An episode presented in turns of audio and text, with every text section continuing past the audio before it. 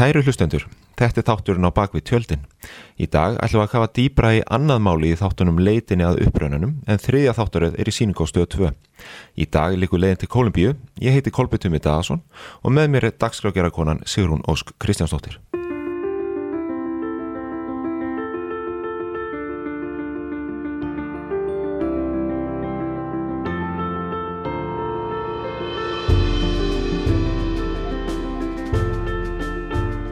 Jæja Sigrún, það er mál nummið tvö, við erum að fara til Suður Ameríku og enni táraflóði, ég er svona nýbúin að þerra tárin, þetta var rosalegur setnið þáttur og... og þú ennþá að jafna þig? Já, eiginlega og örgulega margir fleiri, ég, það er ekki bara tilfinningatömi sem tárast yfir svona, það eru fleiri sko. Já, við vorum nú svona með pínu, ég veit ekki hvort ég á að kalla það samkvæmisleik hérna frammi þegar vorum að klippa þetta. Klipparinn kallar á með annars slæðið og bara nefnir að horfi yfir þennan kapla og ekki kíkja þess á þetta og svona og ég var alltaf bara nú ætlum ég, ég að halda andliti en ég náði aldrei að klára allan þáttinn anþess að svona fá smá glans í augun þótt ég hafi verið á staðnum og búin að sjá þetta hundra sinnum. Þetta er svona einhvern veginn þannig þáttur. Heru, en, en þú varst ánum með viðbröðum við svona reyndum aðeins blind í sjón með að, hérna, að fjallum þáttinn á þessum stað í, í útvarpi, hlaðvarpi? Já, þetta er svona nýtt, gaman að næri 12.000 manns séu búin að hlusta á þetta fyrsta podcast, hlaðvarp. Og þú búin að fá ykkur viðbröð og, og svona við erum að miða áframhaldandi umfjöldun aðeins út frá því? Já, og greinilegt að margir hafa áhuga og verðist ekki kannski bara vera fólk sem er að hlusta sem er búið að horfa á þáttin, þannig að kannski við reynum að, að útskýra svona aðeins hvað, hvað var þarna, hvað fór þarna fram á skjánum. Þannig erum við með alpersonu Þórun Kristi Sigurðardóttir, mm -hmm. býr á Akureyri Já. og hún er með, hérna, kemur frá Kolumbíu. Já og rennum aðeins gerum þetta. Ég held að þú sért í öllítið, munir þetta kannski aðeins betur ég þótt ég mun þetta bara mæta vel. Já, sko, hún er ætlit frá Kolumbíu árið 1981 kemur yngar rétt fyrir jólin og er fætt í september þannig að hún er bara kottnung þegar mammanur og pappi fara út að sækjana elstu upp hérna heima sem innbyrni eh, og á svona samt starri fjölskyldu eh, er náinn já, dætru móðusistu sinnar til dæmis sem eru svona á svipuður ekki. En er ofdegra einkabann, það hefur komið fram? Já, gengst við því sjálf að hérna, hafa tvö herbergi, eitt til að sofi og eitt til að leiki og, hérna, og já, tala bara mjög vel um, um æskuna og bara átti mjög góða æsku á akkur eru eindislega fóreldra. Eh, en var reyndar að glýma við töluverð veikind í æsku þannig að hún sagðist ofta að hafa hugsað um að sko, hefði hún alist upp í Kólumbíða þá er hún ekkert vissum hún hefði ég bara reynilega lifa það af af því að hún var með asma og mjög háustígi, alls konar hérna húðvandamá líka á, á háustígi og svo framvegs nema hvað að hún sko er eiginlega sá viðmælandi frá upphafi sem að hefur haft svona sterkustu tengslinn við ræturnar, það var svo magnað. Hún er til dæmis búin að sökva sér í dans er búin að vera á salsanámskiðum og er að kenna zumba og bara elskar tónlist frá Suður Ameríku. Á Facebook þá skrifur hún sko að hún sé frá Bogota, hún er með kolumbíska fánan á Facebook og eins og kærastinn að saði frá að þá vissan það sko áður en hann hitt hana um, að hún væri frá Kolumbíu því að þau kynast í gegnum Tinder og þar sko skrifar hún að hún sé frá Kolumbíu og svo framvegs. Þannig að þetta hefur ekkert nefn verið svona, ég bara allt um leikjandi frá upphafi og emitt æsku vinkonina sagði frá því að strax þegar þær kynnast sex ára gamlar þá segir hún bara ég heiti Þórun og ég er frá Kólumbíu sem ég held að sé ekki algengt að ætlit börn geri. Það er líka nefnilega oft þetta þau í að að vilja bara hérna, loka og allt þetta og einbetta sér bara að því að vera alfærið íslensk og, og, og, hérna, og fallin í hópin og svo leiðis Greinlega bara rosalega stolt af uppröðinu á þess að vita í raunin nokkuð um hann. Emmett og, og svona tengi svona stert við þetta og, og hún sagði við mig bara, mér líður bara eins og þetta sé reynilega svona eitthvað, þú veist, þetta er bara í, í blóðinu. Og hérna mér finnst það svolítið svona merkilegt. En hún sendir mér eh, post fyrir tæpum þremur árum í februar og segir mér það að hann er langið að leita upprunans og í þessum posti að þá tekur hún það fram að hún veitir það eitt að mammenar úti hafi heitið eh, Viktoria og að hún hafi heitið Marína og segir mér að hún eigi ennþá eitthvað svona armband frá ætliðingastofnuninni. Þannig að það náði ekkit lengra þá að því að ég hugsaði með mér að þetta væri nú, það var ekki eftirnafn á mömmunni og ekki neitt. nema hvað, svo einhvern veginn spilast það þannig að ég í gegnum annað mál sem ég get ekki alveg fara út í hér uh, fæ tengilið í Kólumbíu fyrst stopnun sem er svona í því að útvega gögnum ætlaðingar uh, vegna mögulegar upprunalitar og, og svo þennan Alejandro Munoz sem við ræðum kannski betur á eftir.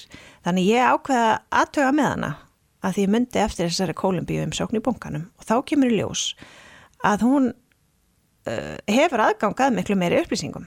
Hún bara hafði aldrei skoðað ætlaðingaskjölinn sín sem er ótrúlega skrítið fannst mér hafandi en hann miklu áhuga en samt einhvern veginn hafði hún ekki farið og nálgast þau. Þannig ég byrði hann að fara og gá hvað hún, hvað hún sjá í þessum skjölum, hvort að við getum ekki fengið eitthvað betri upplýsingar þá náttúrulega alveg típist, þá fannst ekki leikillin að peningaskátnum sem þá voru gemt í sko. Þetta er alltaf eins og ykkur, hérna, já, ykkur bíómynd. Og þannig að það voru ykkur dagar í það að reyna að finna leikillin að þá náttúrulega sér hún að það er þarna fullt nafn á þessari konu og meiri segja sko einhvers konar svona nafnúmer sem ég hef aldrei séð áður. Að því að oft eru við að klíma við að fara í gegnum eitthvað lista af sko alnöfnum og reyna að para saman við eitthvað fæðingaraldur á, á þessum maðurum en þarna eru við bara með eina konu sem er með þetta númer. Þannig að ég var strax svona bjart sín á að þetta væri allavega að smuga. Þótt að var ekkit heimilisfangað en eitt svo leis Og þið óðuði þetta. Þið fóruði þetta mál og, og ég menna við getum alveg sagt það núna hér, það er hérna engin spoiler því, þetta Nei. gekk ansið reynd vel. Já, lígilega vel. Að því að við byrjum fyrst á að senda þessari stopnun úti gögnin og sjá svona hvað gerist. Svo gerist bara nákvæmlega ekki neitt. Og við byrjum að tala saman uh, í vor eitthvað tíman, svo bara kemur sumafrí, ég er að vinna í fullt að öðrum málum, svo er bara haustið að nálgast og ég sé fram á það að þau eru bara hægt að svara posti og ég hugsa með mig bara þetta er ekki að fara að ganga. Við erum að tala bara um haustið sem að nú stendur yfir með lægðum og öllu því Einmitt, við erum að tala um bara áðan eiginlega Mhm. og mér, já, einmitt, nú get ég ekki alveg heldur farið út í út af því að það tengist öðru máli sem þið má kannski að sjá þema. Þú getur ekki verið að Nei, endalaust þetta er sama, þetta Já, er sama annan mál. Að þá kemst ég í samband við velina bladamann í Kólumbíu sem er búin að vera í, í djobbinu mínu í 25 ár.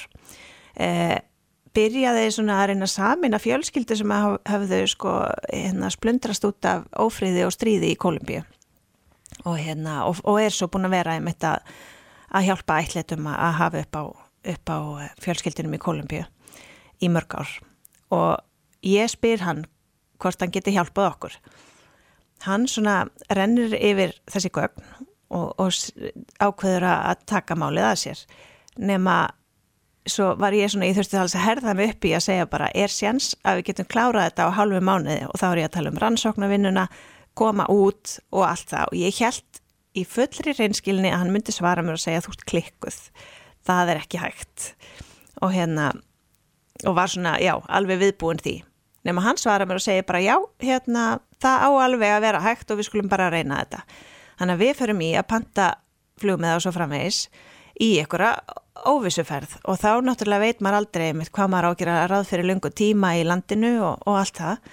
Þannig að við erum þannig úti í sex daga. Og, og Þórun samþykir það að, fara svona út í óvissuna.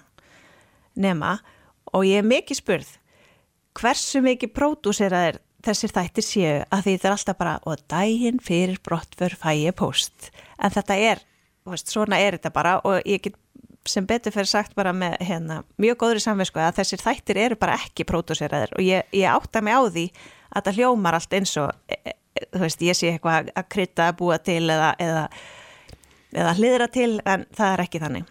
Bókstallega bara rétt áður við förum þá fæ ég postráunum bara hann er búin að finna fjölskylduna og ekki nóg með það að þá samþykti móðurinnar úti strax að hitta hana sem að hann var líka búin að vara okkur við að geta orðið mjög erfitt og flókið og meiri segja að sagði hann sko meiri hluti þeirra maðra sem við finnum geta ekki og veist, sjá sér ekki fært að hitta þessi börn sín að því að það er eiga fjölskyldu sem að viti ekki af þeim og svona kathólst land og, og, og allt það.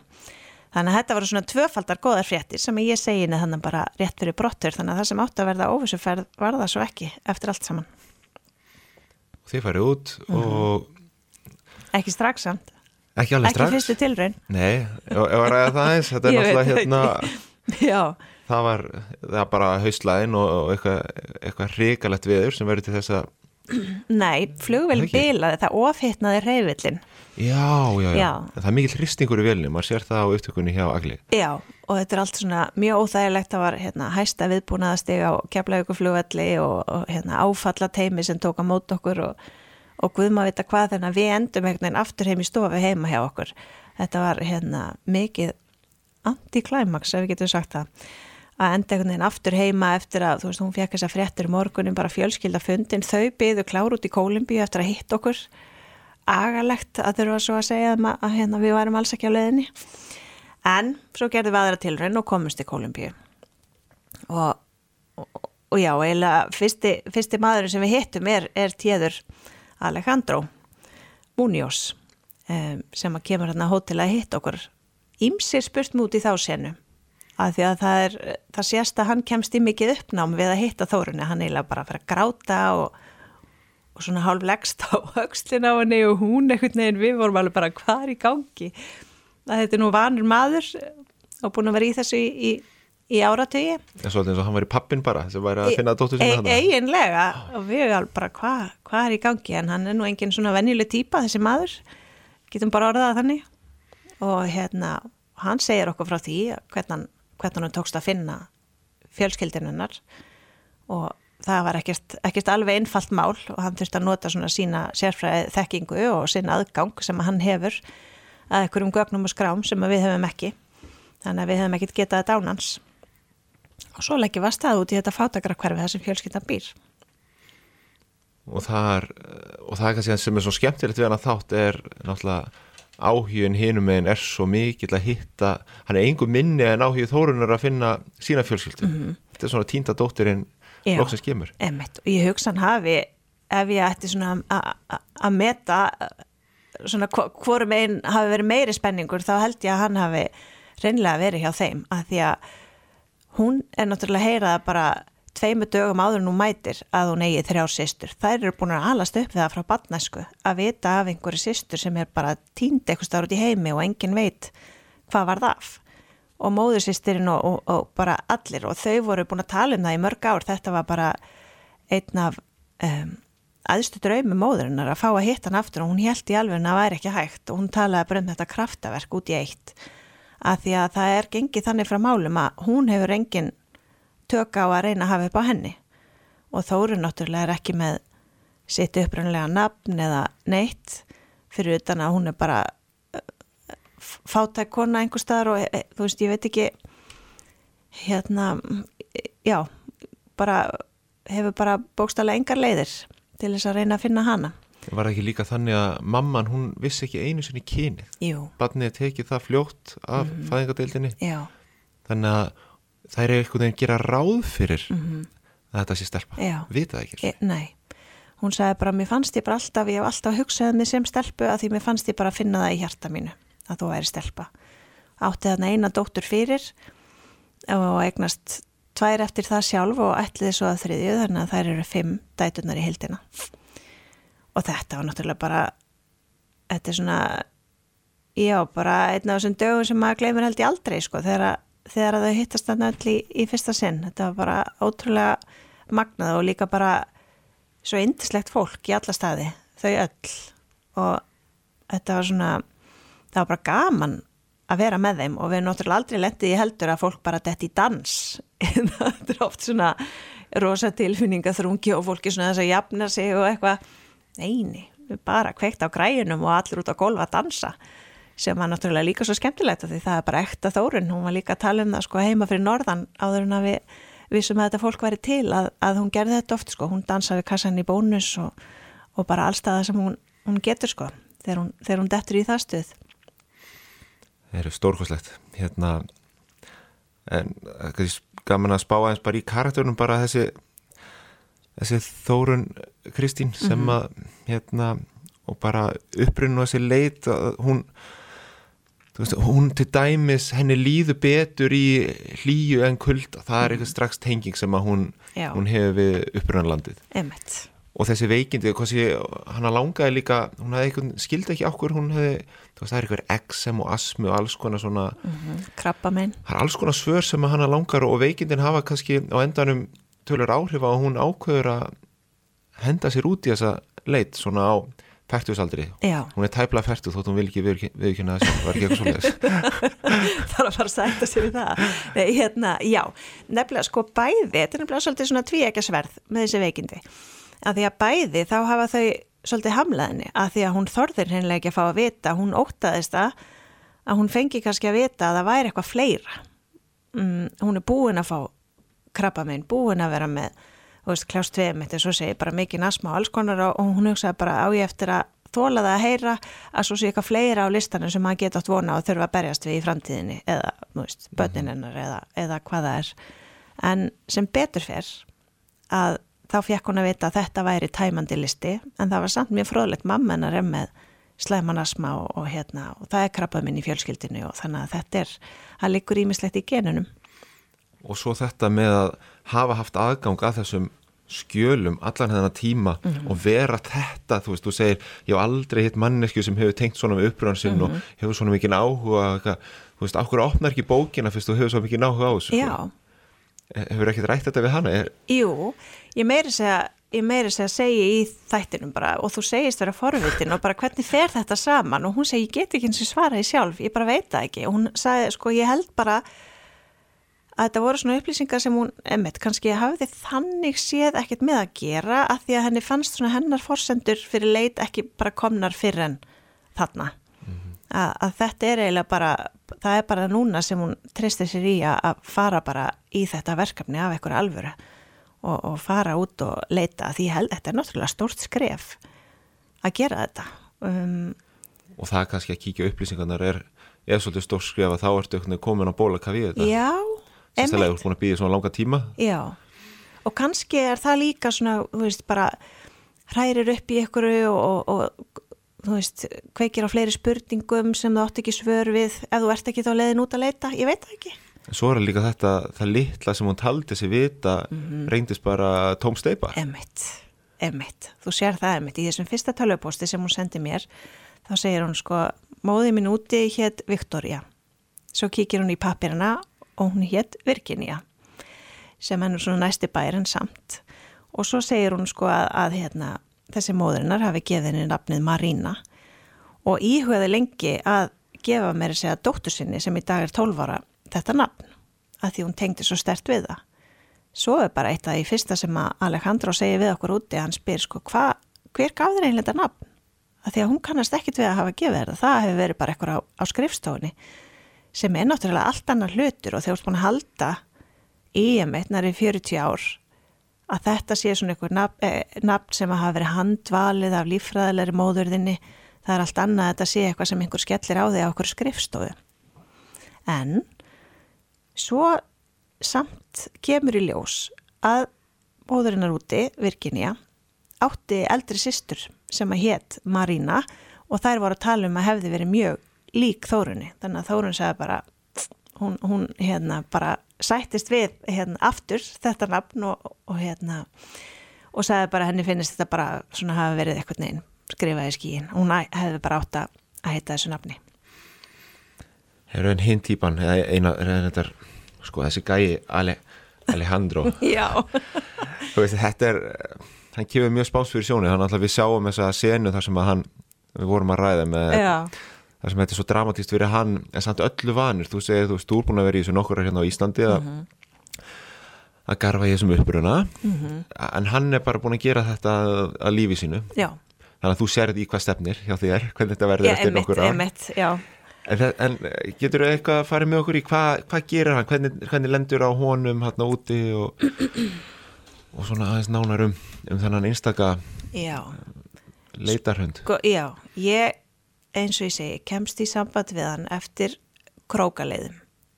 Svo reyndar, fyrstu nóttun okkar úti, okkur tekst lóksins að komast hann út og þegar ég líka kottanum um kvöldið, þá fæ ég allt ína svona hálgjast kvíðakast. Ég hugsaði bara, nú er ég bara mættinga til Kólumbíu. Ég hef enga sönnun fyrir því að þessi maður sé sá sem hann segist vera. Ég er bara búin að vera að fá okkur tölvupósta úr okkur netfangi og eitthvað maður sem segist er eitthvað sérfræðingur og auðvitað var ég búin að finna fullt af uh, myndböndum úr, uh, veist, það eru til bladagreinar um hann og viðtöl þannig ég var svona búin að reyna eins og ég gata að tryggja að þetta væri eitthvað alvöru maður sem að væri búin að finna alvöru fjölskyldu og allt það en maður veit samt aldrei hverju maður, maður er að treysta oft í blindni mm -hmm. í þessu ég bara ég komin hérna með þórunni hingað út og svo kannski bara mætir engin á morgun eða það mætir ekkur veist, bara allt annar og fer eitthvað með okkur og, og hérna rænur úr okkur lífar, nei en eins, þú veist, maður veit það samt ekki og það er óþægilegt þannig ég var nú feina að sjá að það mætti þarna ykkur sem að passaði við hérna, andliti passaði við allt sem ég var búin að sjá í, í blöðunum og YouTube og svona en, en já, hann er hann er, veist, ég veit ekki, hann er ótrúlegur En er, er þetta sjónvarpsstjarnar í Kolumbíu? Já. Er, er það má segja það? Já, hann byrjar ferilinn sem bladamæður og fór svo út í að vera með Eh, sjónvastætti þar sem að fjölskyldur voru saminaðar og hann var líka í ykkur svona lögadags skemmtiprógrami og eitthvað eitthvað tíman hann er til dæmis þegar að hann ringir í fjölskylduna þá þekktu þau röttin í honum. En Þau hérna, vita alveg hver hann er, já, hann er alveg það þekktu Já, hann er bara svona hálkja stjarnar hann í, í Kolumbíu En og, og, og hann er að búa því sjónvarp í Kolumbíu mm -hmm. Og af þessum myndböndum þá verist Þú segir að þú ert ekki mikið í að pródúsera þættin eða svona færi stílin eða, eða gera meira drama. Þetta yfirleitt sér svolítið um sig sjálf kannski mm -hmm. svona, bara þegar tilfinningarnar eru miklar. Mm -hmm. en það er svolítið öðruvísi kannski á honum, hann svona leggur þetta aðeins öðruvísi upp í mm -hmm. öðru menningarheimi. Já, og pínu erfitt að vera svona tveir ekkert við vorum alltaf að byggja hann um að vera ekki að stjórna aðstæðan, við værum bara ekkert í því og svona, en hann talaði um það að það væri vinnuregla hjá honum að sérst, þegar við keirum upp á húsinu að þá vil hann fara á undaninn. Og hann sagði ég þarf bara að hérna, ég tek púlsinn á maðurinn og svona að því að það hefur alveg komið fyrir að það er bara, það komist í það mikið uppnáma, það er bara að líða út af og, og hérna og svo framvegs og hann var búin að uh, undistrykka það að maður hitti í Kolumbíu væri það venja að maður hitti húsraðundur fyrst og Virginia býr heima hjá dóttur sinni þannig að hún ætti að hitta sýsturnar fyrst og svona. Svo komum við inn og þá náttúrulega sjáum við að hann er svona aðeins búinn að hérna, sjá til þess að hlutir gerist í, í réttri röð og svona. Til dæmis móðurinnar er ekki inn í stofinni einu sinni þegar við löpum inn. Og svo fer hann og sækir hana þarna þannig að það var svona eitthvað sem að hann var búinn að ganga frá blessaður. En allt í góðu með það En það henda þér ágætlega í þessari senu að þú ert ekki mikið í mynd að það eru allir grátandi en þú er vantilega bara staðið þarna til hliðar og þetta verður ekkert fengið á þig. Nei, nei, ekki neitt, ekki neitt kemur ekki við mig. Nei, það er nú, sko, það er meira sér ástæða fyrir að ég sérst takmarka því ég segi inn í þessa fréttir að fjölskyldan sé fundin. Um, þá, þá, hérna þá fór fagmennskar aðeins í frí. Ég skal bara hjáta það. Algjörlega. Um, Sko Mér langar að þess að ræða mömmuna líka. Já, mér líka. Því að mamman er eitthvað svona Já, eitthvað skonar uh, móði Teresa, ég veit ekki já. hvað hún verðist vera með svo stórt hjarta engin takmörk, eitthvað já, svona sko. Já, veistu hvað mér varst fyndið? Um leið og ég fekk senda mynd af henni það var mér bara stór létt og ég hugsaði með mér hvaða barnaskapur það held að geti séð á einni mynd að þetta sé góð kona? En er þetta ekki sammála? Um leið og þú veist hérna og, og þá fór ég að hugsa með mér allir, allir gott fólk sem er eitthvað svona annað yfirbræði, eitthvað svona annað er eitthvað í andlitin á því sem að, að því ég horfið bara á myndina og ég hugsaði bara ok, þetta er eitthvað, þetta er góð kona. Mm -hmm. hún er eitthvað nefn bara þannig á svipin og svo náttúrulega sannfarist maður endanlega þegar maður hittir hana. Það er svona mm, já, ég veit ekki hvað ég á að lýsa hún er bara, hún er indisleg og svo er hún í þokkabót sko, þvílikur humoristi og það er bara bara skemmtilegt að vera með henni. Ég myndi fara að heimsækja henni ef ég færi til Bókota þótt að Þóru var ekki með mér bara því að mér myndi langa að hitta hana. Hún er bara algjörlega indisleg. Og það kom einhvern veginn í ljós, hún hafði átt eignast dóttur ári mm -hmm. fyrr Já. svo eignast hún aðra mm -hmm. og það eru bara kröp kjör mm -hmm. sem að koma í vekk fyrir að, að hún geti Já. átt Þórunni. Já, sem að mér finnst alltaf að því að börnur er gefin til ætliðingar af alls konar ástæðum og mér finnst alltaf eitthvað neginn hræðilegasta tilhjóksun að konur hafi þurft að gefa frá sér börn að að átti ekki fyrir því að eiga þau og, og langaði mitt kannski alls ekki að gefa þau nema bara, veist, að, það er átti en grannar að kosta völ. Þetta hljóma náttúrulega rosalega grimt þegar þú ert búin að ganga með barni í nýju mánuði Já. og svo er að tekja af þér sko, án þess að þú viti kynið sko. Þetta er bara augnabliki, við erum að tala um sekundur hérna, bara. Já, bara rifin í börtu strax og líka engin viljis og þú fáir ekki svörin og þessi komið þannig fram við þig. Þetta er náttúrulega ömurlegt og, og ég bara veit það að, hérna, að svona er ekki, veist, svona er ekki heimurinn í dag í hvað var það rættleðingar og hérna og ég ætla að vona að það sé bara hvergi. En, en já, náttúrulega bara uh, svo agalegt, ég veit ekki hvað ég á að segja meir um það og, og bara það var bara svo augljóst hvað þetta búið að liggja þungt á henni í allar hennar tíma og hún náttúrulega, þið sjáu það bara á skjánum hún bara sleppið allar takinu af þórinni hún er sko knúsandana bara frá því hún mætir og, og þanga til hún fer.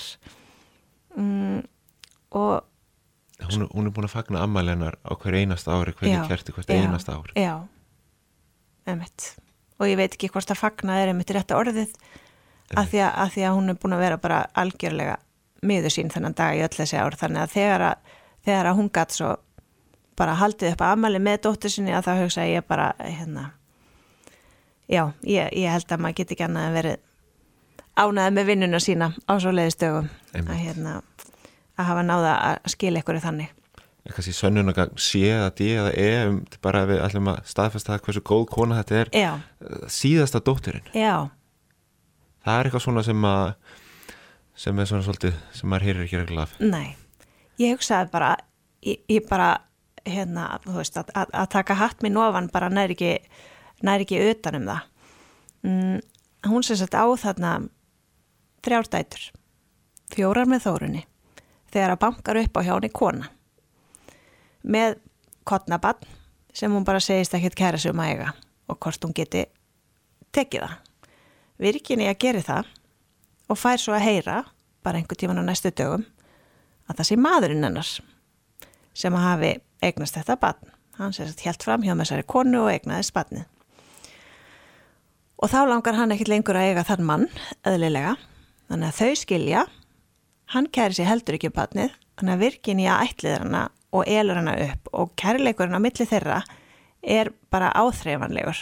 Þannig að þú þarft ekki að efast um það í eina sekund að hún sé ekki fullgildur meðlumur í þessum hópi og að kona ætliði badd sem að maðurinn hennar eignast í framhjáhaldi án, þess að maðurinn sé með í því einu sinni er bara eitthvað stórkvæslegast sem ég hef heyrt um og emmitt því líka manngæskan sem þarf til að gera svona þannig að virkinni að hún er bara hún er mín kona Klálega. já, Kona allra held ég bara Kona- sem að já. horfði á, á þennan þátt sko. Um, það var eitthvað fleira sem ég ætla að spyrja út í, já, meðal annars hérna, því að þú, þið eru búin að fara víða en, Mm. En hérna, þarna eru þið í Kolumbíu og það er tölu spænska og, og þú, hérna, þú talar ekki mikla spænski þáttur en þú ert rosalega duglega að kinga kolli eins og þú skiljir allt sko. Og sí, sí, sí, mjög góðið því líka. En ég er bara svona, fólk er mögulega forvitið, þú veist, ertu, ertu að feika þetta á góður í íslensku? Mm. eða ertu bara reybriðandi í spænsku? já, ég hafði náttúrulega ekki hugmynd um hvað neitt var að segja. Nei. jú, jú, ég, ég skil spænsku um, bara nokkuð vel og sérstaklega í Suður Ameríku ég bjó í Peru í halvt ár og lærði þar spænsku sem ég hef ekki taldi við síðastliðin 15 ár. En, en það er þarna eitthvað staðar þannig að tjáningin er svona takmarkuð en ég hef grætt mikið á því að geta skilið og ég skildi með svona nokkurn veginn allt sem að, sem að hann var að segja okkur. Og textaði þáttinn hérna frammi, spænskuna Þú gerir það sjálf? maður bregður sér í ímis hlutverk. Já, En það voruð þið fram á síðustu stundu, allra síðustu stundu að, að vinna þáttin. Þetta búið að vera mikið kapplöp. já við Jón Gretar Gísararsson klippari, við erum búin að sita hérna fram á nætur reynlega í langa tíma. Sér ekki alveg fyrir endan á því svo, svo er næsti þáttur eftir þannan en, en þetta við erum svona farin að sjá ljósið venda gangana, það hefst alltaf lokum. Er, er það ekki bara einmitt málið að hérna þakka Þórinu Kristínu fyrir í byli og, Mhm. og aðeins segja okkur frá því hvað verður á dagskrá? næst, já. Þá er ég hugsa um að kæfta bara frá því að ég fréttin er blæði að það eru margir farinir að geima svona fyrri þáttin og horfa á það tvo saman að því að fólki finnst erfitt að býði viku eftir málalokum. En það þarf ekki að gera það á sunnudaginn. Já, þá færðu bara upp á endi í einum og sama þættinum. Ok. da da da dam, já. Það er hún Guðrún Andrea Solveigardóttir og hún er að leita að uh, föður sínum á Spáni. Hann var í ennsku skóla í Breitlandi þegar hann kynist uh, mömmunar og þau eru bara kottnung. Hún er sko 15 og hann eitthvað bara smá eldri. Já, og hún uppgötur ekki fyrir en tölverst eftir heimkomuna að hún sé með barni. Og hún hefur aldrei hitt hann að föðu sinn en uh, fyrir tíu árum þá ákvaði hún að prófa að leita á hennum. Gekk ekki. Þannig að við ákvaðum svona að sjá hvað við kemumst áfram í þessu. Og já, ég held ég þóru ekki að fara mikið dýbra í Nei, í þá atbyrðar ásalla Það ætla að klára þetta í einu þætti þá er vissir að það verður ekki að segja ómikið frá hún hérna. Nei, en ég mæli með það er, já. Þú mæli með þættinu? Ég mæli með Við þættinum. fögnum þessu alltaf Mm. gott að fá Hlutlaust mat, mat þáttastjórnandans að fólk er að setjast nýður og horfa á þennan þátt á sunnutaskvöldi Gekjað Heru, Ég held að við séum bara Mhm. búin að fara vel yfir, Er það ekki? yfir sögu þórunar. Kristínar. Já, og ætlum að setjast niður þá væntalega bara í næstu viku og gerum upp já, eh, næsta þá en þánga til þá bara séum við verið sæl. Bless